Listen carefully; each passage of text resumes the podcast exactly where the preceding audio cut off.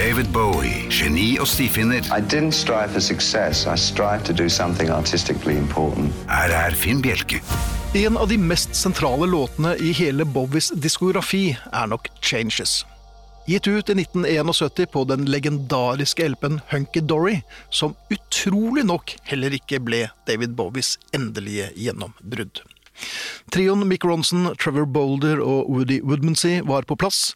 Rick Wakeman bidro på piano, og Hunky Dory inneholdt den episke My Way-inspirerte Life on Mars. Men platekjøperne var fremdeles ikke overbevist.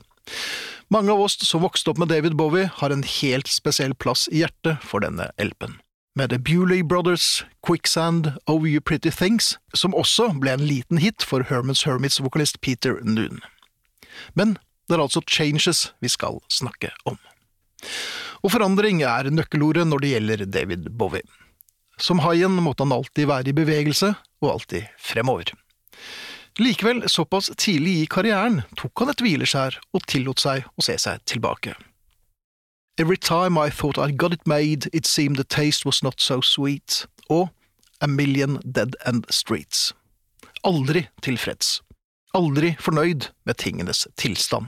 Stillstand er død. Trevor Boulders nedadgående bass, Rick Wakemans insisterende piano og Bowie, som kopierer Roger Daltrys stamming i My Generation, gjør Changes til en av rockens absolutte klassikere. Vel, rock og rock. Han synger også Changes, look out you rock'n'rollers. Bowie ble aldri noen rocker. Han prøvde halvhjertet noen ganger, men han fant åpenbart ingen glede eller pasjon i en såpass tradisjonell musikkform, så han gikk sine egne veier. Det virker som om Bowie prøver å tilpasse verselinjene til musikken, og de sang i en haltende, nesten spastisk form som bidrar å gjøre Changes til det den er.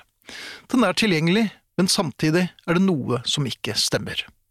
Akkurat som artisten David Bowie. Jaggu sa jeg turn and face the strange. Dette er Bowie på sitt beste, og Bowie på sitt beste er bedre enn det aller, aller meste.